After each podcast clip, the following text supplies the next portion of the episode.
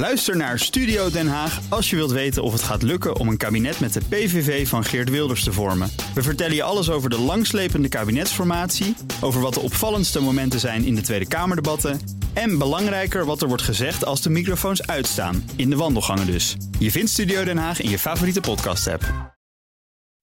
De BNR Nationale Autoshow wordt mede mogelijk gemaakt door Lexus. Nu ook 100% elektrisch. BNR Nieuwsradio. De Nationale Autoshow. Meindert en Wouter. Oldtimer Federatie FEAC heeft een eh, nieuwe voorzitter, Stefan Hulman. Ze waren aan verjonging toe, 54 jaar nog maar. En hij zoekt nog een klassieke auto, Wouter. Dus we gaan hem straks een handje helpen. Ja, zeker inderdaad. En uh, de Autoblog Auto van het jaarverkiezing opent vandaag de stembus. Je hoort zo meteen de nominaties. En dan kan je ook gelijk even je stem uitbrengen. Oeh, ga ik wel even doen, ja. ja. En in de rijimpressie de BMW iX3. Heeft wel even geduurd, hè, voor, uh, voordat jij hem mocht rijden. Nou, ja, ja, ja, ja, was wel eerder aangekondigd. Dat is natuurlijk corona. En dat duurt Zeven jaar na de i3. Ja, op zo'n manier. Ja, nou, dat wel. Nee, dat, dat is verbazingwekkend. Zowel Nissan, zeg maar, voorloper elektrisch ja. rijden. BMW, ook voorloper elektrisch rijden. En dan komt er heel lang niks. Zo gek. Ja. Ik zou daar nog wel eens een keer Is met dat de wet van de remmende voorsprong? Ja, nou. Weet je, er zit toch. Uh, er zitten wel Nederlanders bij BMW aan wie we dat eens een keer kunnen vragen. Ja. Jongens, hoe zit dat nou? Ja, gaan we He? doen. Ja, straks uh, meer erover, maar we beginnen met dit. Door corona verandert onze mobiliteitsbehoefte, Wouter. Ja, ja. blijkt allemaal uit het Mobility Insights Report van Leaseplan, uitgevoerd door onderzoeksbureau Ipsos.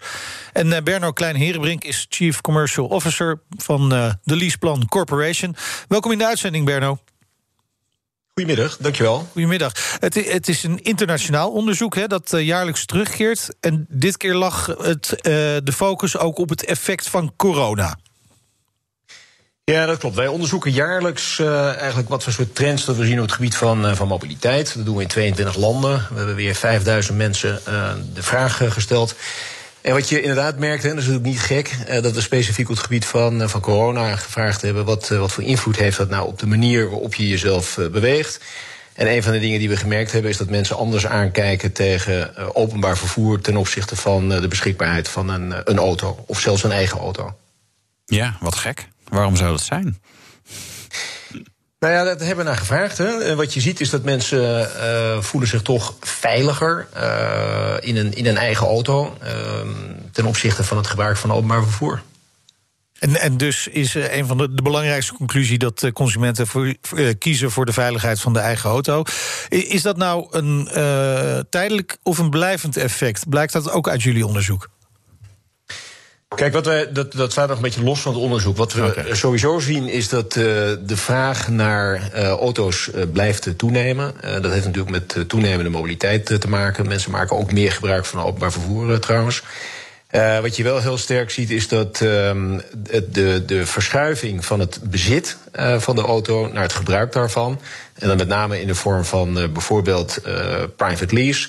Dat dat een trend is die al jaren gaande is. En we zien ook dat zelfs dit jaar, wat natuurlijk een heel bijzonder jaar is, dat ondanks COVID, dat de vraag naar private lease verder gestegen is. En ja. wat nee, dankzij COVID toch? Zien, Eigenlijk dankzij COVID, want daardoor durven we, durven we, ik durf er sowieso al niet, maar in de bus te zitten. Dus, dus ja, dan maar private lease. Want dan heb je voor een schappelijk bedrag een fijne nieuwe auto.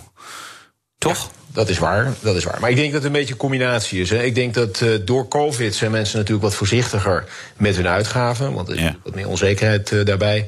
Dus in feite zie je dat, uh, dat de combinatie van dat mensen wat voorzichtiger zijn met openbaar vervoer. En tegelijkertijd de trend van het steeds meer gebruiken in plaats van bezitten dat dat, uh, dat, dat gewoon ondertussen doorgegaan is. Heeft het ook niet deels te maken met het feit dat veel bedrijven gewoon leasecontracten opzeggen en uh, leden een, uh, of hun personeelsleden een mobiliteitsbudget geven, die daar dan gewoon zelf dan maar een private leasecontract voor kunnen afsluiten?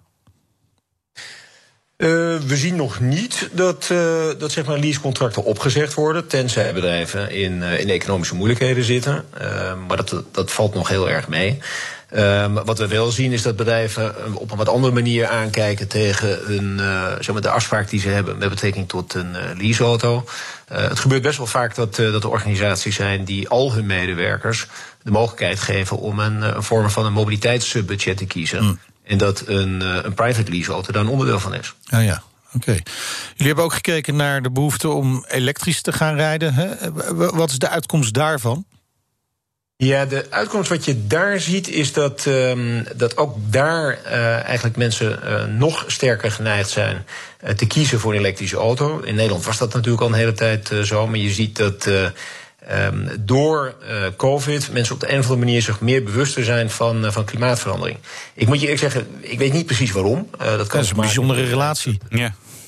Ja, nou, het kan te maken hebben met het feit dat misschien omdat er gewoon zeg maar minder verkeer was, minder vliegverkeer, minder autoverkeer minder vrachtverkeer vooral, dat, uh, dat, de lucht uh, een stuk schoner was. Dat heb ik natuurlijk zelf ook uh, gemerkt. dat, en, en, zeker zeg maar, in landen waar hele uh, zeg maar, oude auto's nog gereden worden, dat je een groot verschil ziet. Ja, zoals, zoals Nederland. Zoals Nederland. ja, Nederland Berno... is natuurlijk een van de schonere landen. Ja, ja, ja, ja, ja, ja de, de helft is natuurlijk wel wat oud. De helft die zakelijk rijdt, die rijdt wel schoon. Maar die, andere, die andere 80 procent, wou ik zeggen, en dan klopt de optelsom natuurlijk niet, die, die rijdt in relatief oude auto's. Uh, nee, maar Berno, je zei ook van ja, private lease, uh, sterk in onkomsten, ook bedrijven die mobiliteitsbudget gaan in, inzetten en dan zeggen, joh, dan mag je private leasen. Maar private lease en elektrisch rijden, ja, dat is eigenlijk zeg maar een soort niet bestaande markt. Dat, dat gebeurt eigenlijk amper nog. Of, of missen we daar wat? Nou, dat, dat klopt. Hè. Dat is, uh, op dit moment is dat nog heel klein. Uh, wat we wel denken is, als je ziet wat er geïnvesteerd wordt door uh, allerlei automobielproducenten in voordeliger elektrische auto's. En vooral als je ziet dat er in China allerlei nieuwe partijen zijn die, die die auto's ook naar de markt gaan brengen in Nederland. Ja, dan verwacht ik eerder gezegd dat uh, in de komende jaren dat dat heel snel zal gaan, uh, de beschikbaarheid van uh, absoluut betaalbare elektrische auto's. Ja, maar er moeten nog wel behoorlijk wat stappen. Want nu de, de kleinste elektrische auto's zijn, zeg maar, nou ja, de hele kleine, de upjes en zo, 22, 23.000 euro. En dan wordt het toch gauw 30, 35.000 euro. Dan heb je nog steeds niet een vo, he, volledige gezinsauto waarmee je lekker op vakantie kan met al je bagage. Dus er zijn nog wat stappen ja, te zetten qua prijs. Wij bieden natuurlijk ook uh, zeg maar de mogelijkheid om een, eh, een, tweedehands elektrische auto te leasen. Ja. Het grote voordeel wat je dan hebt is inderdaad dat. Uh, kijk, de, de, de kosten van zo'n auto om te rijden qua onderhoud en, uh, en, en zeg maar de, de stroom die je daarvoor gebruikt, die zijn natuurlijk vrij beperkt. Dus ja. dat betekent dat je al snel economisch gezien een tweedehands auto kunt rijden. Ja. Nou zien we de, de actieradius uh, van die elektrische auto's omhoog gaan. Hè. We, we, zien ook dat de prijs daalt. Is dan de grootste uitdaging voor de toekomst niet gewoon laadcapaciteit? Ja, dat is absoluut zo. Uh, Nederland doet het nog redelijk wat dat betreft. Uh, maar je ziet in een aantal andere landen, als je bijvoorbeeld naar België gaat met je elektrische auto, dat je al vrij snel een, een, probleem hebt om überhaupt een, een aansluitpunt te vinden. Dus wat wij heel sterk uh, stimuleren is ook dat, uh, dat de overheden, uh, maar ook allerlei zeg maar, private partijen, dat die versneld eigenlijk een infrastructuur aanleggen om mogelijk te maken dat je ook daadwerkelijk met een elektrische auto kunt rijden. Waarom doen jullie dat zelf eigenlijk niet? We zijn een van de grootste leasemaatschappijen van, van Europa. Misschien van de wereld, dat durf ik even nu niet te zeggen, maar. Nou ja, we hebben een, een, een deelneming in een, uh, in, een, in een partij die heet uh, Liespan Energy. Liespan Energy die, die, die biedt dat inderdaad aan. En een deel daarvan, de reden dat we dat doen, is om toegang te geven tot groene stroom. Dat is natuurlijk ook een, een punt wat heel belangrijk is. Om eigenlijk op een hele efficiënte manier gebruik te maken van de manier waarop mensen, mensen rijden een auto overdag. Ze kunnen hem s'nachts laden. Dan heb je in feite veel voordelige tarieven. En we zijn ook aan het kijken om inderdaad uh, zeg maar een, een, zogenaamde charge point operator te worden, zoals dat heet. Uh, dat betekent dat je laadpalen gaat exploiteren. Om te zien of we daar ook mee kunnen helpen om dat versneld uh, mogelijk te maken. Ja, dat is ook een goede business. Want uh, bedoel, als, als, er zoveel mensen elektrisch willen gaan rijden, 47 procent, dan uh, ja, is dit het moment om daarbij uh, te zijn. Kun je een leuke marge opzetten? Ja. Kijk naar de koers van Fastnet, dan ja. zie je dat, dat iedereen daar grote verwachtingen van heeft.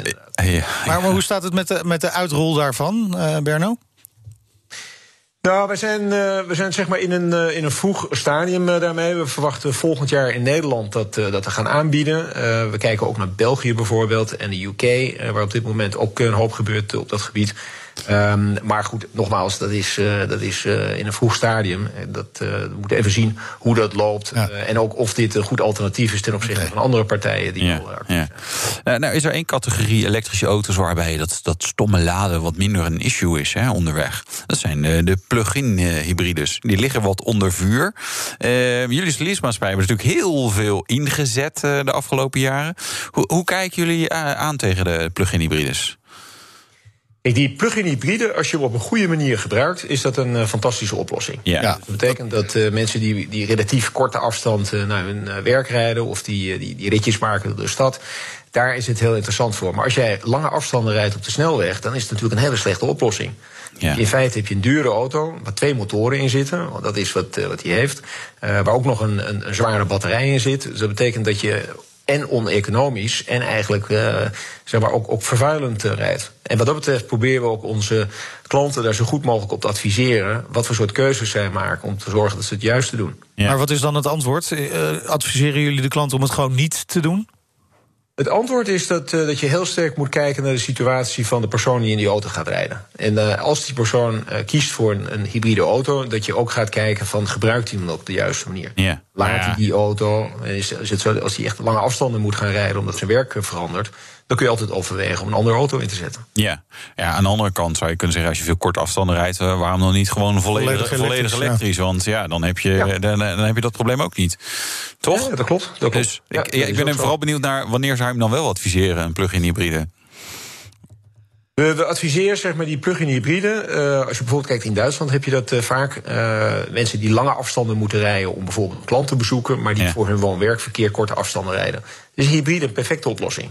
Ja. En uh, dat, dan, dan kun je en uh, schoon en zuinig door de stad uh, rijden. Daar ja. maak je een heel groot gedeelte van je kilometers mee. Ja. Mocht je een keer, weet ik het, van, van Stuttgart naar, naar, naar Hamburg moeten rijden, dan kan het ook. Ja. Of voor de Nederlandse IT-consultant die projecten in de, in de buurt heeft, maar wel graag met de auto van de zaak op windsport gaat na corona. Dat is ook een goede. Ja, ja bijvoorbeeld. Ja, ja. dat een goede oplossing. Ja. Voor, voor mensen die alleen maar korte afstanden rijden, is full electric natuurlijk te, aan te bevelen. Ehm, maar voor mensen die heel veel kilometers maken, als plug-in hybride dan niet interessant is, kom je dan uiteindelijk toch gewoon weer bij diesel terecht? Want ja, dat zit toch ook in het verdomhoekje.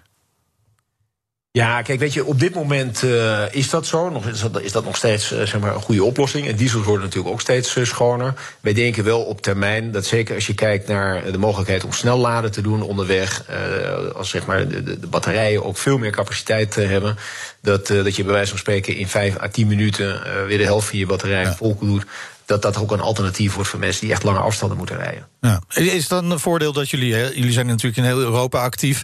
We vanmorgen in het uh, Algemeen Dagblad, het AD, dat leasemaatschappijen massaal van de diesels af willen, dat ze naar. Uh, Oost-Europa gaan. Is dat jullie voordeel dat jullie uh, niet alleen maar op die Nederlandse markt actief zijn, maar eigenlijk breder kunnen inzetten? Ik denk het wel, ja. En ik denk ook wat dat betreft dat, uh, dat wij de mogelijkheid hebben om auto's die bijvoorbeeld hier aan het einde van hun leasetermijn zijn, om die uh, zeg maar als tweedehands auto in een andere markt uh, aan te bieden. En ook te zorgen dat zeg maar, het gebruik daarvan veel optimaler is. Dat dat, dat dat wel een groot voordeel is als je een Europese of een wereldwijde speler bent. Nou, hier zien we natuurlijk in Nederland zien we natuurlijk een, een flinke groei van het aantal EV's. Uh, vaak is dat aan het einde van het jaar, omdat de bijtelling dan in het nieuwe jaar omhoog gaat. Dat gebeurt nu ook weer. Zien jullie daar ook wat gebeuren? Ja, je ziet uh, dat uh, alles wat, wat, wat zeg maar met fiscaliteit te maken heeft, heeft heel veel invloed op uh, de keuze die mensen maken. Dus op het moment dat die, dat die bijtelling omhoog gaat, dan valt ineens een deel van die vraag weg. Dat hebben we gezien bij de dure elektrische voertuigen, zoals bijvoorbeeld de Model X van, van Tesla. die ging van, van heel goed verkopen naar nul. We zien het ook in andere landen trouwens. Hè. Dan zie je ook dat, uh, dat, dat zeg maar, uh, fiscaal aantrekkelijker gemaakt wordt om in een elektrische auto te rijden. In Duitsland hebben ze een aantal uh, dingen gedaan op het gebied van bijtelling.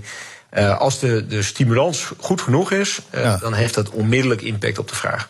Nou, dan gaat hier natuurlijk de bijtelling omhoog naar 12 procent. Andere landen komen juist met stimuleringsmaatregelen. Dreigen we misschien ook wel onze relatieve koppositie kwijt te raken. Want er zijn landen die het nog beter doen, zoals Noorwegen bijvoorbeeld. Maar, maar we waren voorloper. Hè. Gaan, we, gaan we dat misschien kwijtraken als we niet oppassen? Ja, kijk, ik denk, ik, ik hoop het eerlijk gezegd een beetje. En dat klinkt, uh, dat, oh, dat klinkt een beetje ja. gek, maar dat betekent dat uh, de rest van Europa ook uh, versneld op, op elektrische auto's gaat. Ja. Het voordeel wat we in Nederland hebben is dat, dat, dat, je hier relatief goede laadinfrastructuur hebt ja. ten opzichte van andere landen. Ja. En, dat, en dat voordeel dat zal nog wel een tijdje zal dat, door blijven werken. Waardoor mensen veel minder terughoudend zijn om in een elektrische auto te stappen. Omdat je gewoon weet dat, je, dat je overal kunt, kunt laden. En dat, en dat is natuurlijk in België bijvoorbeeld. De Belgische overheid die heeft een maatregel genomen dat vanaf 2026 nieuwe zakelijke auto's, dat moeten elektrische auto's zijn. Alleen, je hebt daar bijna geen laadinfrastructuur. Dus dat zal nog een, een aardige nood worden om te kraken, om dat voor elkaar te krijgen. Komen ze allemaal hier naartoe? Even laden hier. Denken over de grens. Op de grens, precies. ja, precies. Ja. Goedkoper. Rijden jullie zelf eigenlijk uh, als Leaseplan Corporation of Leaseplan Nederland uh, veel elektrisch? Ja, we hebben gezegd laten we het goede voorbeeld laten zien. Ja. Dat, dat al onze medewerkers die een auto van de zaak hebben, een leaseauto, die ja. rijden in een elektrische auto als ze een nieuwe nemen. Oké. Dus dat betekent vanaf volgend jaar is het zo dat wij, wij, wij hebben dit jaar al geen enkele niet-elektrische auto meer ingezet. En vanaf volgend jaar dan is het ook het streven om nog versneld zelfs iedereen in die elektrische auto te krijgen. En dat is het 80, 90 procent van onze mensen rijdt inmiddels al of in een volledig elektrische auto of in een hybride. Ja, of in een plug-in hybride. Maar dan laten ze hopelijk wel genoeg op. Hybride. Alleen een kort afstand rijden. Anders dan is het niet goed. moeten ze bij de baas komen, denk ik. Daar, daar letten we heel goed op. Ja. ja. maar, maar was dat dan voor sommige mensen een aanleiding om te zeggen... nou, doe dan maar gewoon zo'n mobiliteitsbudget. Dan ga ik wel een private lease zoeken, want ik wil niet elektrisch. Of valt het wel mee? We hebben, we hebben inderdaad een aantal mensen gehad uh, waar dat geval was. En uh, weet je, ook, ook, dat zijn van die dingen. Je moet experimenteren om te zien van uh, hoe gaan mensen daarmee om. Dus er zijn inderdaad medewerkers die, die, die ervoor gekozen hebben om dat mobiliteitsbudget te nemen. Ah. En, en bijvoorbeeld een privéleaseauto. Yes. Je eigen vloot is natuurlijk één ding. Uh, op een gegeven moment uh, kun je ook denken aan de hele vloot. Hè? Alle, alle leaseauto's die uh, Leaseplan in de markt zet. komt er, denk je, een moment dat de hele vloot van Leaseplan batterij elektrisch is? Of, of misschien een andere schone vorm van aandrijving? Ja, wij zijn daar volledig van overtuigd. Um, het is misschien een beetje moeilijk om daar een jaartal uh, aan te hangen, maar ik ah, denk dat het uh, sneller gaat dan. Uh, nou ja, ik, ik, ik denk dat je ergens rond 2030, 2032, 33, dat, dat, dan zie ik het wel gebeuren dat in Europa, en vooral West-Europa, dat 100% van de auto's gewoon elektrisch is. Die ingezet worden als. als ja. West-Europa, Europa of Nederland? Ja, want het, het, het is een, die, je neemt al slag ja, Nederland in ieder geval. Nederland in ieder geval. West-Europa. Wat je ziet is dat, uh, dat Oost-Europa dat, dat gaat wat langzamer. Uh, ja. Dat heeft allerlei redenen zijn daar, daarvoor. En daar kan het mogelijk wat langer duren. Maar ja. zeker in, uh, in, Nederland, België, Frankrijk. Als je ziet hoe snel dat nu gaat, verwacht ik dat het echt. weet je, de, de, de beschikbaarheid van auto's die er zijn, infrastructuur. Uh, ja. fiscale stimulans, uh, het feit dat uh, al die landen heel hard werken aan het verbeteren van CO2-uitstoot, is dat, is dat absoluut iets wat heel snel gaat gebeuren. Ja. ik, ik, ik ben oprecht benieuwd, Berno, hoe dat volgend jaar in Nederland gaat. Natuurlijk, de bijtelling loopt op en dus het, wordt, het voordeel wordt minder, financieel gezien. dus misschien moeten we sowieso die Mogelijk ook rekening rijden aan nog. Rekening, om, om, om, als we daar dan wat, wat cijfers van hebben, om daar toch ook weer eens over door te praten. Ik vind dat wel interessant. Weet je, ik, ik, ik, weet het gewoon niet waar dat heen beweegt. De, de, dat, dat, uh, de stimulans is natuurlijk heel erg nodig. Je ziet natuurlijk ook in Duitsland en in Frankrijk en België nu behoorlijke stimulans op. Dus van wanneer komt dat omslagpunt dat mensen denken: nou ja, doe maar gewoon sowieso elektrisch, want het is goedkoper of whatever. of, of zie je dat al, zien jullie dat al wel echt in beeld komen? Ik zie dat echt wel in beeld komen. Kijk, als je, eh, stel als je 12% bijtelling betaalt over een auto die, eh, die 30% goedkoper is dan twee jaar geleden, ja. dan, dan, dan wordt het effect natuurlijk ook steeds, steeds gunstiger. Ja. Dus dat, ik denk dat dat heel snel gaat. En uh, Bernard, tot slot. Uh, wat rij je zelf eigenlijk? Elektrisch? Ik rij zelf in een, uh, in een privé-lease Mini. Privé, mini-electric of... Uh... Wel leuk. Nou ja, kijk, ik, ik, ik in deze COVID-tijd... in deze COVID-tijd is het zo dat ik woon vlakbij uh, bij kantoor. Dus ja. ik ga eigenlijk met de fiets naar kantoor.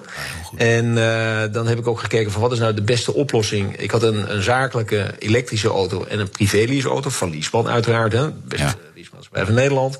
En uh, ik heb ervoor gekozen om uh, tijdens COVID één auto in te leveren. En, en die andere auto privélease te rijden. Ja, ja want de, de bus en trams zijn lekker leeg. Dus ja, er lekker daar nog in gezitten. En je hoeft geen mondkapje op. Nee, Dank. Berno Klein Herenbrink, Chief Commercial Officer van uh, Leaseplan Corporation. En het Mobility Insight Report is terug te vinden via bnr.nl slash autoshow.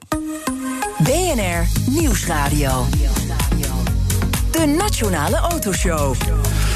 Het is december, de maand van de lijstjes. Heb je eigenlijk al goede doelen voor het komend jaar uh, opgesteld? Of wacht je daar nog even mee? Goede doelen voor mezelf? Ja? Voor, uh... Nee, ja, de goede, Voornemens? Voornemens. Nou, verder gaan we met afvallen. Dus dat gaat onwijs. Dat is heel goed gegaan dit jaar. nog steeds veel Kijk blijven sporten. in de spiegel, ja. meer leuke dingen doen met... Nog meer leuke dingen doen met kinderen. nog meer leuke dingen doen met... Leren autorijden, met, bijvoorbeeld. Ja. Ja. Ja. Hoe oud is Alex nu? Vijf. Vijf. Maar we hebben wat motocross dingen in de dus familie. Dus, dus acht. Acht? Dus ja, die kan wel tijd om te leren schakelen. Ja, ja, ja, nu nog automatisch. Oh, oké. Vindt ze lastig, want dan moet je zomaar die rem te hard indrukken en dan het gas loslaten. Dus dat gaat soms wel eens mis. Maar, ja. nou ja, goed. Nee, hè? ja, goh. Beetje ruimte opzoeken. Ja. Dat kan. Dat kan. Nu. Hey, uh, uh, ander lijstje. Autoblog, auto van het jaarverkiezing. Ja, ja. daar is die weer. Ja. En hoofdredacteur Michael Ras. Ja, nou. vet hij eigenlijk Michael? Jij kent hem beter. Hij heet Michael. Michael, Michael Ras die maakt de eerste vier nominaties bekend. We beginnen met de Toyota Yaris GR. Die GR-toevoeging is heel belangrijk. Want de gewone Yaris is wel een heel erg geliefde auto. Maar de GR is, is echt een, een leuke rally special. De tweede is de Aston Martin DBX. Niet helemaal onomstreden design. Maar goed, kijken wat de lezers vinden. De derde kandidaat, de, een echt icoon, de Land Rover Defender. Werd al jaren geteased, maar in 2020 uh, was hij dan voor het eerst ook uh, bij de dealer op te halen. En natuurlijk, ja, op deze lijst kan dit jaar de ID3 of de ID3, hè, hoe je het ook wilt noemen, kan niet ontbreken. Echt een auto die, die nu in deze verkiezing past dit jaar. Ja, dat zijn de eerste vier. Ik, ik zeg de Defender hoor. Ja, de ID3 is natuurlijk meer baanbrekend, maar ja, ja, ja. het voelt ook wat meer. De Defender is natuurlijk veel, veel meer sexy. Ja, leuk. Ja. Ja. heel leuk. Ja, en die 3 is misschien wel, eh, waar we lang over gesproken, de game changer van het elektrisch rijden. Ja, ik ben daar toch benieuwd naar. Hij is, is absoluut zeg maar uh, failure for money. En ja. er komen natuurlijk ook nog uh, goedkopere versies. Dus dat, dat is zeker echt heel erg interessant. Nee.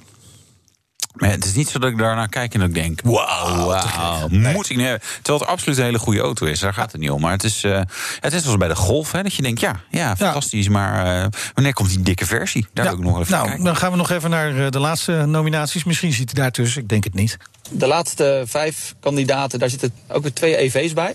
De Polestar 2, een EV die echt een concurrent is voor de Model 3 van Tesla.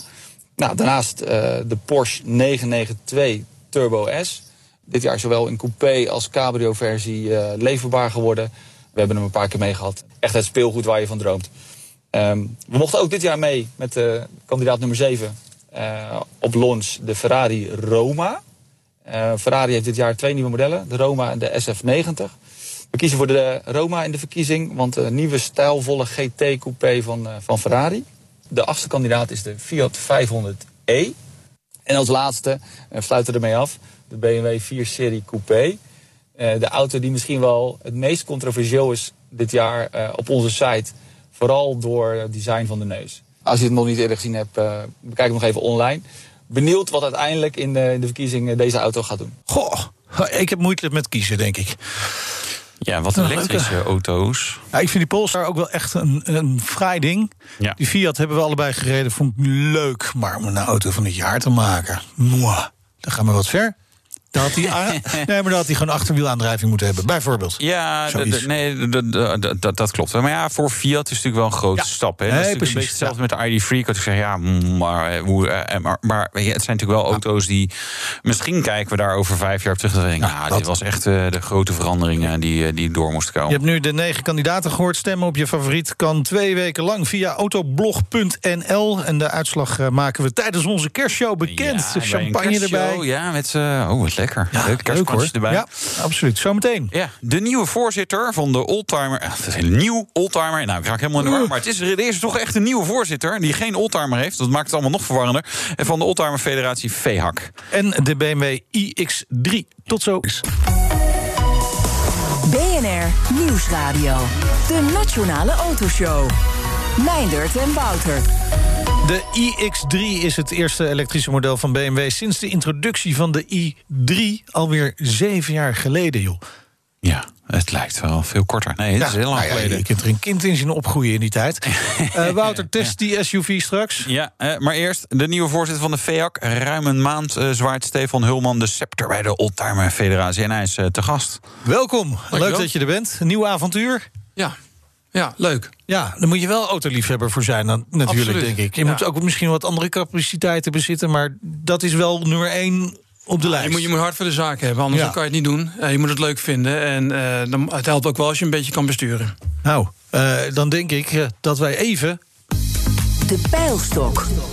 Nou, daar oordelen wij natuurlijk wel even over. Hè? Wat, wat, wat rij je? Wat, waar ben je mee gekomen? Met een BMW, een hybride. Hybride. 530. 530, oké. Okay. Ja. Oh, okay. netjes.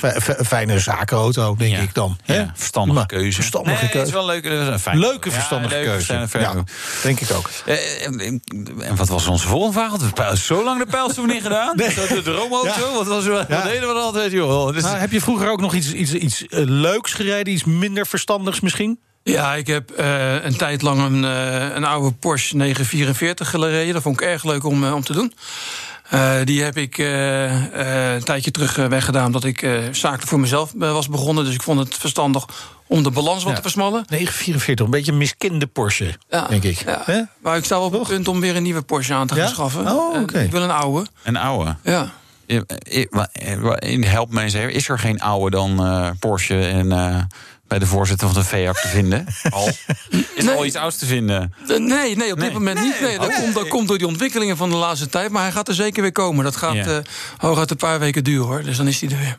Oké, okay, maar uh, Porsche dus. Welke gaat het worden? Dat weet ik nog niet precies, maar ik, uh, ik wil wel graag een cabrio handgeschakeld... en hij moet wel een jaar of 25, 30 oud zijn. Oké. Okay. Nou, dan heb je nog heel veel keuze. Ja, ja, maar ik heb wel gezien dat ik een dure smaak heb. Dus. nou, nee, terug naar de 944 cabrio. Dat is dan nog waarschijnlijk het meest betaalbare. Want 911 ja, cabrio 25, 30 jaar oud. Mm, ja, ik, ik, ik, ik wou net zeggen, heb je nog een beetje hulp nodig? Maar Wouter begint er gewoon al mee. Ja, ja. ja. Nee, ik, de enige hulp die je krijgt is bij de inhoudelijke keuze. Want mijn vriendin die wil meebeslissen. Oh. Ja, dus dat, dat, uh, dat, is wel een lastige. Maar uh, nee, verder doen we het helemaal zelf. Ja, nou, onze luisteraars kunnen ook suggesties sturen. Hè? Gewoon Graag. een mailtje sturen naar ja, voorzitter.veak.nl. Zo is dat. Zo is het. Nou, dat wordt een uh, volle mailbox. Kun je lekker het weekend mee, mee losgaan. Um, ja, 54. Ja. De VEAC was aan een verjonging toe. Nou, ik heb wel gezien dat uh, de vorige voorzitters hebben het onderbeurt, de twee Berten hebben het onderbeurt gedaan. Dat ja. hebben ze samen 20 jaar volgehouden. En, uh, Zo, je zit even vast. Ja, ja. De komende 20 jaar. Uh, en nou, er was nu zoektocht naar een nieuwe. En ja, ik vind het wel ontzettend leuk om te doen. Ja. zoals je er straks al zei, de, het hart voor, voor mobiel en roerend erfgoed moet je wel hebben. Uh, en dat heb ik al een hele tijd. Dus dat vond, ik, uh, dat vond ik wel erg leuk om te doen. En ik heb wel heel vaak in die mobiliteitswereld rondgelopen. Dus dat kwam er ook bij kijken. En toen was het vrij gauw gebeurd. Ja, maar mobiliteit en klassiekers hebben natuurlijk niet heel veel met elkaar te maken, of, of wel? Ja, een beetje wel, beetje. een beetje wel, jawel. Kijk, die, die klassieker, uh, die, uh, iemand heeft een klassieker omdat hij er gek van is, daar wil hij aan sleutelen, maar hij wil er vooral mee rijden. En hij wil hem laten zien. Uh, en hij wil de weg op. En uh, uh, er zijn vaak niet heel veel kilometers die men dan rijdt. Maar wel een paar per jaar. En dat wil je gewoon. dat is gewoon een leuke hobby om te doen. Um, en af en toe in deze fase wordt dat niet makkelijker gemaakt. Met milieuzones en dat soort grappen meer. Dus daar heeft het V ook nog wel ja. wat werk te doen. Nou, precies. Want het is niet alleen maar leuk. Het is ook best wel belangrijk ergens. Het is gewoon rijdend Absoluut. erfgoed. Het is, ons, het is erfgoed, het is bepaalt onze identiteit. Het vertelt iets over onze eigen geschiedenis en waar we vandaan komen. En daarom is het belangrijk om het in stand te houden. Precies, je moet niet al het oude met het badwater weggooien Absoluut. natuurlijk. Zeker niet ja. mooie auto's uit het uh, verleden. Uh, welke ambitie heb je als voorzitter? Nou, ik vind een paar dingen belangrijk. Eén is om ervoor te zorgen dat in de discussies over mobiliteit, maar ook over klimaatveranderingen, dat uh, de klassieke auto een goede plek krijgt. Ja. Um, dus als uh, de stappen die we gaan zetten alleen maar gaan over milieuzones en af en toe zelfs dat vreselijke woord elektrificeren, dan worden we daar wel erg verdrietig nee, je bent er, Je bent er geen voorstander van, het elektrificeren van de, van de klassieker? Niet van een klassieker. Uh, als je dat doet, dan ben je feitelijk het, de culturele waarde aan het weggooien. Uh, want uh, de motor uh, is de helft van de waarde van, ja, ja. van de klassieker. Ja, er zijn ook mensen die gewoon voor het design gaan, hè? Ja, maar dat mag. Dat is prima. En als iemand daar plezier in heeft, moet hij dat doen. Maar als je kijkt naar uh, wat, wat, wat de cijfers zijn op dat gebied, uh, dan is het aantal wagens dat geëlektrificeerd wordt, klassiekers, is echt op, op de vingers van 200 te tellen ongeveer. Dus ja. daar, daar, zit, daar zit niet de toekomst. Dus je moet ervoor zorgen dat met begrip voor die klimaatmaatregelen die nodig zijn, dat dat culturele erfgoed uh, kan blijven rijden. Ja. Wat, en vanaf wanneer is een auto eigenlijk een klassieker voor, uh, voor jullie? Uh, wij vinden de Europese definitie die gehanteerd wordt de beste. 30 jaar, dan ja. is die klassieker. Maar is niet de Nederlandse definitie nee. eigenlijk, hè? Nee, nee, we hebben in Nederland hebben er twee, lijkt het wel. Ja. Als het gaat om de motorrijtuigenbelasting is het 40 jaar. Ja. Als het gaat om de APK-keuring is het 50 jaar. Oké. Okay. Want na 50 jaar hoeft hij niet meer APK nee, gekeurd te worden. hoeft hij niet meer APK gekeurd te worden. Ja, ja. Hoe komt dat dat het zo onduidelijk is in Nederland? Dat zal voor een deel uh, een, een uh, financieel fiscale reden hebben. Want zolang je natuurlijk motorrijtuigenbelasting ja, dus, dus MRB, ja, komt, dan komt er geld binnen. Uh, maar die discussie over de APK-keuring is recent wel uh, redelijk goed uh, verlopen. Die is wel op 50 jaar gesteld, maar dat is in ieder geval een goede discussie geweest. En daar heeft men ook ontdekt dat als een auto die leeftijd bereikt heeft, bereikt heeft als hij echt voorbij die 20, 30 jaar is. Mm -hmm dan zijn ze over het algemeen technisch prima in orde. Want dan zijn het ook echt hobbyauto's, zijn ze goed onderhouden. Ja. Uh, en dan is een APK-keuring is, uh, voegt niet zoveel meer toe. Nee, maar, maar waarom is het eigenlijk belangrijk dat er duidelijkheid over die leeftijd komt? Van ja, oké, okay, dan moet je, moet je tien jaar extra MRB betalen. Zijn dat nou, de, echt de dingen die de mensen tegenhoudt? Nee, het zijn niet de dingen die de mensen tegenhouden. Maar het, uh, het, het, zegt wel iets over uh, de positie die, die de, dat mobiele erfgoed dan heeft. En uh, tegen de tijd dat je 30 jaar ook nog je motorrijtuigenbelasting betaald hebt... en je hebt al die belastingen opgeteld, heb je de auto twee keer betaald. Ja. En dan is het wel een mooi moment om te zeggen: het is genoeg, het is genoeg geweest. Ja. Ja. Um, en de liefhebber steekt daar ontzettend veel geld in, over het algemeen. Want het is over het, het is vaak ook een liefdeskindje. Um, en dan is het best wel goed om uh, te helpen om dat mobiele uh, erfgoed uh, te onderhouden. Door dan die last er in ieder geval af te halen. Ja, de, de, de, de, kijk, de MRB is er ooit natuurlijk weer bijgekomen. Omdat we zagen dat nou ja, auto's uit de midden jaren 80, die, die waren op een gegeven moment 30 jaar oud, wegenbelastingvrij. Maar eigenlijk nog best wel goed kon je gewoon mee rondrijden. En dat gebeurde, nou massaal wil ik niet zeggen, maar het gebeurde. Ja, als dagelijkse auto. Dat is dagelijks auto, ja. Zeker de ja. Mercedes 190 diesel ja. was dan lekker zuinig, eigenlijk best wel betrouwbaar voor een appel en ei te koop. Ja. In ieder geval in het buitenland. Je zag die prijzen in Nederland natuurlijk stijgen. Dus de, de, dat is natuurlijk reden. Moeten we dan niet een soort mechanisme komen die zegt van nou ja, we moeten uh, in ieder geval zorgen dat, dat dat niet een dagelijkse auto wordt. Uh, is daar iets voor te verzinnen of, of hoeft dat niet? Nee, maar waarom zou je dat doen? Als iemand uh, er nou voor kiest om een auto van die leeftijd voor daags gebruik uh, te gebruiken. en die auto doet het goed en uh, er is verder niks mee aan de hand. dan is het toch ook prima dat dat gebeurt. Nou ja, je zou milieu natuurlijk als argument kunnen gebruiken. Zeggen van joh, nou ja, de, de, de auto's die tijd stoten ja. gewoon meer uit. Punt. Nee, maar dat klopt. Kijk, wij, wij uh, als VEAC vinden wij ook dat uh, de klimaatdoelstellingen serieus genomen moeten worden. En wij willen er ook een bijdrage aan leveren. Maar laten we die bijdrage dan leveren uh, op een manier die het culturele erfgoed ook respecteert en in stand houdt. En dan kan je denken aan alternatieve brandstoffen die, die nu ontwikkeld worden. Zoals biobrandstof bio uh, of, uh, of e-fuels. Ja? Ik denk dat de biofuels toch een soort van overgangsmiddel zullen blijken te zijn. en op langere termijn ook niet meer geschikt, maar de e-fuels wel. en, zo, en als, je, als je daar een goede afspraak met elkaar over kan maken, dan respecteer je aan de ene kant dat culturele erfgoed. Je houdt het mobiel, je houdt het in beweging. En je hebt een bijdrage aan de klimaatdoelstellingen. Lijkt mij een prima afspraak. Ja, en, en dus niet elektrificeren. Dat, dat is, heb je enig idee hoeveel elektrische oldtimers... ja, mag je ze überhaupt nog oldtimers noemen dan... Ja.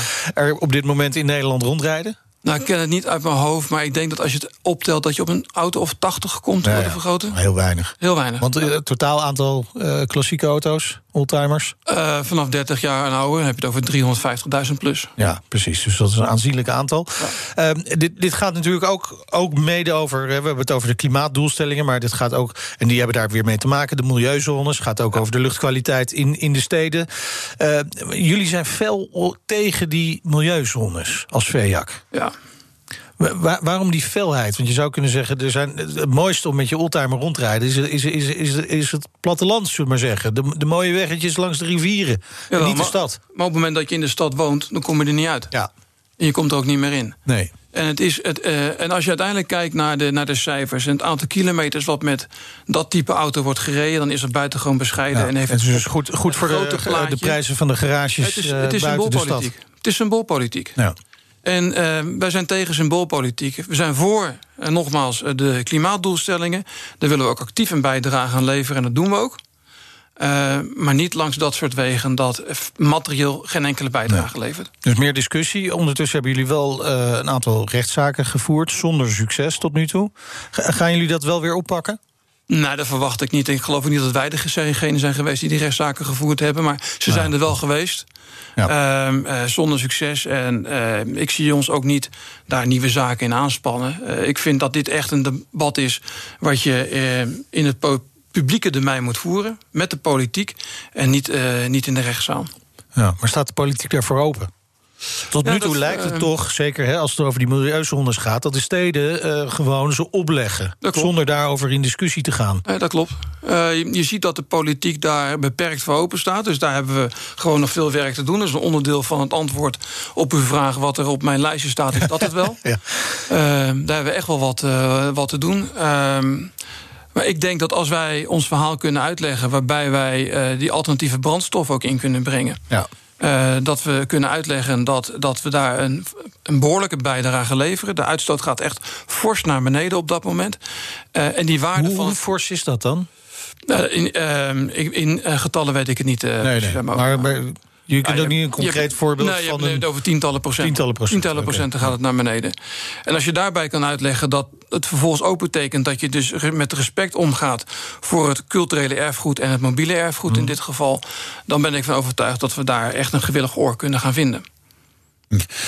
Even je, ziet over, als ik mag, je ziet de discussie ook in de gemeenteraad van Den Haag nu plaatsvinden. Mm. Precies op dit thema. Omdat daar een aantal zaken lopen, een aantal zaken bekend zijn geworden, ook via de media, waar echt de idioterie uh, blijkt. Uh, zonder dat het een fatsoenlijke bijdrage heeft aan de klimaatdoelstellingen. En mensen beginnen daar in het geweer te komen. Ook de politiek van de gemeenteraad van Den Haag. Ja. ja. het gek is wel dat je dus weer afhankelijk bent van de politieke kleur van de stad. Waarschijnlijk, omdat ze het allemaal zelf mogen bepalen. Klopt. Dat klopt. Uh, en juist in, in, de grote Amsterdam steden... en Utrecht zul je waarschijnlijk wat minder uh, positieve geluiden horen, denk ik. Dat kan. Uh, moet ik. Moet maar blijken. Ja. maar in ieder geval gaan wij dat gesprek wel aan. En ik denk dat wij nogmaals met, met die combinatie van maatregelen die we zelf kunnen inbrengen. en het argument dat je ook dat mobiele erfgoed in stand moet houden. dat we daar een ente mee kunnen komen. ik, ik had al een, een, een andere vraag. Wat, wat, wat is een beetje de, de, hoe ziet de gemiddelde VEAC-lid eruit? Is ik, ik heb zo'n idee, maar een oudere man. Maar is, is dat terecht? Of zijn er ook wel... Uh... Ja, ik werd al geïntroduceerd als 54 jaar. En ik weet niet zeker of jullie dat nou oud of jong nee, vinden. Hoor. Maar... We zitten daar veel te dicht tegenaan. Ja. Ja. Nee, nee, het, nee het, het, varieert enorm. Het, varieert. het is natuurlijk wel zo dat als je echt naar de klassieke auto's kijkt... die uh, veel tijd vragen, maar vaak ook wel wat geld kosten... dat het meestal geen jonge mensen zijn die die, uh, die, die wagens hebben. Nee. Uh, maar uh, het is ook zeker niet zo dat het uitsluitend oudere mannen zijn. Uh, dat, dat, is best redelijk gevarieerd. en dat zie je ook aan de leden. Ja, ja, ja en ik kan me voorstellen dat het ook gaat om, om auto's uit hun eigen jeugd die ze, een soort sentiment, uh, sentiment dat er aan vastzit. Vaak, uh, maar, maar, niet altijd. Als ik, als ik naar mezelf kijk en wat ik het leuk vind om te rijden... dan is dat niet per se een auto uit mijn eigen jeugd. Maar omdat ik het gewoon mooi vind en leuk vind. Ja. En, uh, er zijn ook zoveel mooie auto's. En, en, daar blij van wordt om dat in orde te brengen... en daar dan mee te toeren. Over in orde brengen gesproken. Vanaf 1 januari zijn auto's van 50 jaar en ouder... dus vrijgesteld van APK. Hadden we het al over. Het gaat in totaal om ruim 84.000 eh, auto's in Nederland, blijkt uit cijfers van VW, VWE Automotive. Eh, dat was eerst 60 jaar, het wordt dus 50 jaar. Ehm, de, de, de, en je zei al, dat is een goede zaak. Want die auto's die worden gewoon goed onderhouden over het algemeen. Die controle is niet echt meer nodig. Ja, nou, als, als je kijkt naar uh, uh, hoe die auto's er technisch voor staan, en, uh, dan, dan, dan blijkt dat dat al, ehm, op die leeftijd altijd, altijd goed is. Eigenlijk bijna altijd goed is. Als je kijkt naar gebreken, dan komen die daar nauwelijks voor. Ze komen niet voor in de statistieken van ongevallen op de weg. Dus daar, daar is echt wel heel veel in geïnvesteerd door de eigenaar.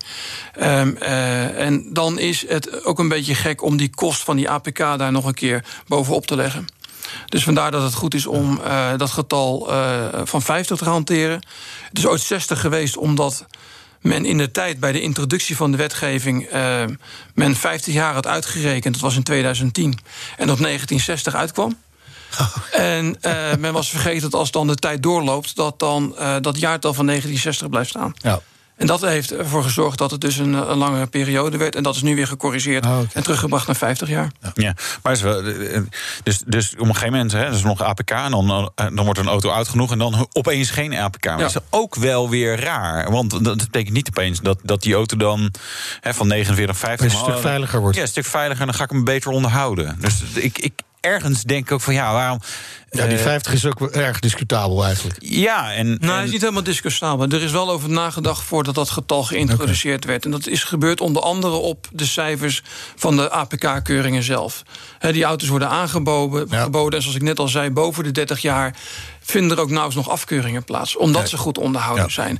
Uh, bij uh, de statistieken van de technische gebreken komen ze niet meer voor. Uh, op, op de weg, als het gaat om ongevallen, komen ze niet meer voor. Oké. Dus het is, het is niet uit de lucht gegrepen. het is op de, dat is uh, op, op de cijfers gebaseerd. We hebben nog één, één onderwerpje staan in uh, de halve minuut ongeveer. De brexit komt eraan. Ja. Uh, jullie, jullie waarschuwen handelaren en liefhebbers. Waarvoor precies? Nou, als je wacht tot 1 januari, dan moet je gewoon importheffingen gaan betalen. En dat kost, het kost heel veel geld en dat is zonde. Dus als het je lukt om voor dat moment uh, de auto uh, uh, over te laten komen, dan ben je gewoon een stuk goedkoper uit. Nou. Ehm, en zeker bij een, bij een harde brexit, dan is dat echt een probleem. Ja, nou, je hebt nog twee weken. Ja. En daarna, wat gaat er daarna gebeuren? Of weten we dat gewoon nog Dat weten we niet. Want uh, ik zag op de achtergrond op het scherm Johnson nog onderhandelen in Brussel. En wat eruit gaat komen, weet ik niet. Ja, maar klassieke auto's denk ik het eerste wat hij gaat regelen. Denk je ook? Ja, dat is zo belangrijk. mogelijk, mogelijk. Ja. En anders moet hij in gesprek met Stefan Hulman, de voorzitter van de FEAC. Dankjewel voor je komst. De rijimpressie. Ja, Woutert test de BMW iX3. Het staat hier echt, Woutert. Wouters, ja. Woutert. Een toekomstige klassieker, eh, die uh, iX3. Wouters komt uit Rotterdam, dus daar mag, uh, daar mag altijd C, nat het C erachteraan. Hè? Heerlijk. Je weet hoe het werkt. toch vind ik het vreemd. In 2013 kwam BMW met de i3. Dat is nou ja, een bijzonder vormgegeven auto natuurlijk. We zijn er inmiddels aan gewend. Ik, ik heb hem wat meer leren waarderen. Het is echt een fijne auto. Maar die was er volledig elektrisch. En ook met een range extender. Maar uiteindelijk de volledig elektrische was populairder. En dan nu pas, 2020, uh, komt BMW met hun tweede elektrische model. Ze hebben wel heel veel plug-in hybrides. Hè. Eigenlijk van zo'n beetje ieder model wat ze hebben is er ook wel een stekkervariant te krijgen. Eh, zo ook van deze X3 overigens, de X-Drive 30e. Maar volledig elektrisch is dit pas het tweede model. En heeft dus zeven jaar hebben ze, zeven jaar zie je een stem slaat ervan over, hebben ze erover gedaan. Best apart. Dit is de BMW iX3 Um, is dus een X3, maar dan met de i van elektrisch. En in Duitsland kunnen ze niet helemaal spellen, geloof ik. Maar goed, maakt niet uit. Um, in de bodem, uh, een accupakket, één elektromotor. Dat is dan wel weer apart, hè? want dit is natuurlijk een SUV of SAV, zoals ze bij BMW willen noemen, Sport Activity Vehicle. Oftewel, hoger op zijn poten, verwacht je vierwielaandrijving bij en dat heeft hij dus niet. Het is een achterwielaandrijver, maar het is dus gebaseerd op de X3, dus feitelijk een verbouwde X3 waar ze dan een elektrische variant van hebben gemaakt. Terwijl de i3 een volledig elektrische auto was, hè, als elektrische auto ontwikkeld. Dus nou ja, er zitten wel een beetje rare keuzes. Ik zou er toch in de boardroom nog wel eens bij willen hebben gezeten hoe die discussies dan zijn gegaan. Maar goed, terug naar de iX3. 1 elektromotor op de achteras, 286 pk, 400 Nm koppel. BMW meldt er expliciet bij. Ja, 400 Nm, dat koppel, dat houdt hij ook bij hogere toerentallen vast. En dat is vaak een probleem bij elektromotoren, dat het een beetje instort.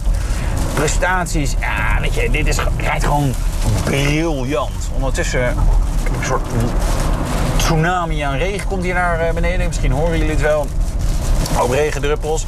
Maar 6,8 seconden naar de 100, dat is meer dan vlot genoeg. Topsnelheid, ja, dat is een beetje nieuwe begrenzersnelheid die uh, een aantal merken zeg maar, vasthouden voor elektrische auto. 180 km per uur. Daar loopt hij ook vrij vlot naartoe. Ja, en heel relevant is natuurlijk een hoge topsnelheid. Natuurlijk sowieso niet meer zo voor normale auto's. Ja, leuk voor mij om af en toe op de autobaan zeg maar, uit te leveren of op het circuit. Maar voor een elektrische auto ook wel nog minder relevant... omdat die actieradius dan natuurlijk heel snel instapt. Over actieradius en accupakket gesproken. Bruto capaciteit 80 kilowatt uur, netto 74 kilowattuur. Daarmee WLTP 459 kilometer. hij kan netjes laden thuis, 3 fase 11 kilowatt of snel laden 150 kilowatt. Ja, dat is gewoon allemaal prima. Is gewoon on par met wat het moet zijn. Praktijk actieradius gaat natuurlijk ietsje minder zijn. Uh, want de WLTP-testcyclus is reëler uh, dan de NEDC, de oude testcyclus. Maar nog steeds, ah, je, 300, 350 kilometer moet je wel een beetje kunnen halen op een accu. Een beetje let op je gedrag qua rijden. Uh, niet al te veel regen, tegenwind, nou ja, noem het allemaal op. Kou, ze houden elektrische auto's ook niet van. Um, maar goed, dus dat is qua package eigenlijk wel prima. Um, maar verder is het ja, gewoon een X3.